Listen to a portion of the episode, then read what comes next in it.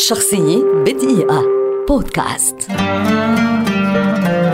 ناجي جابر الشهير بأبو عنتر ممثل سوري كبير ولد عام 1940 ويعد واحدا من ألمع وجوه الفترة الذهبية للدراما والمسرح والسينما في سوريا. انتقل إليه شغف الفن من شقيقه الأكبر محمود جابر فشارك في نهاية الستينات بعدد من الأعمال التلفزيونية والمسرحية كما شارك في عدد من أعمال فرقة شقيقه محمود ومنها صياد صادوني سراديب الضيعين النهب وطارة البركي لكن شهرته الكبيرة جاءت مع تأديته شخصية أبو عنتر إلى جانب الممثل الكبير دريد لحام في مسلسل صح النوم ليصبح هذا اللقب مصاحبا له طيلة مسيرته لا بل صار أكثر شهرة من اسمه الحقيقي. التحق بنقابة الفنانين السوريين عام 1972 وله نشاطات تلفزيونية ومسرحية مختلفة فحصيلة أعماله تبلغ أكثر من 30 فيلما سينمائيا منها أبو عنتر بوند إمبراطورية غوار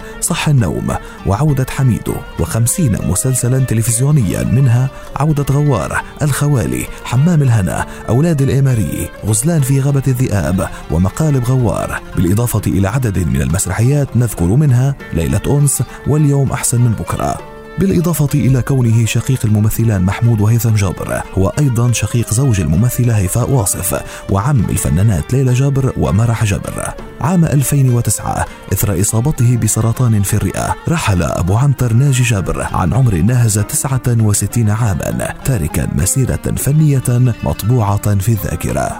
شخصية بدقيقة. بودكاست.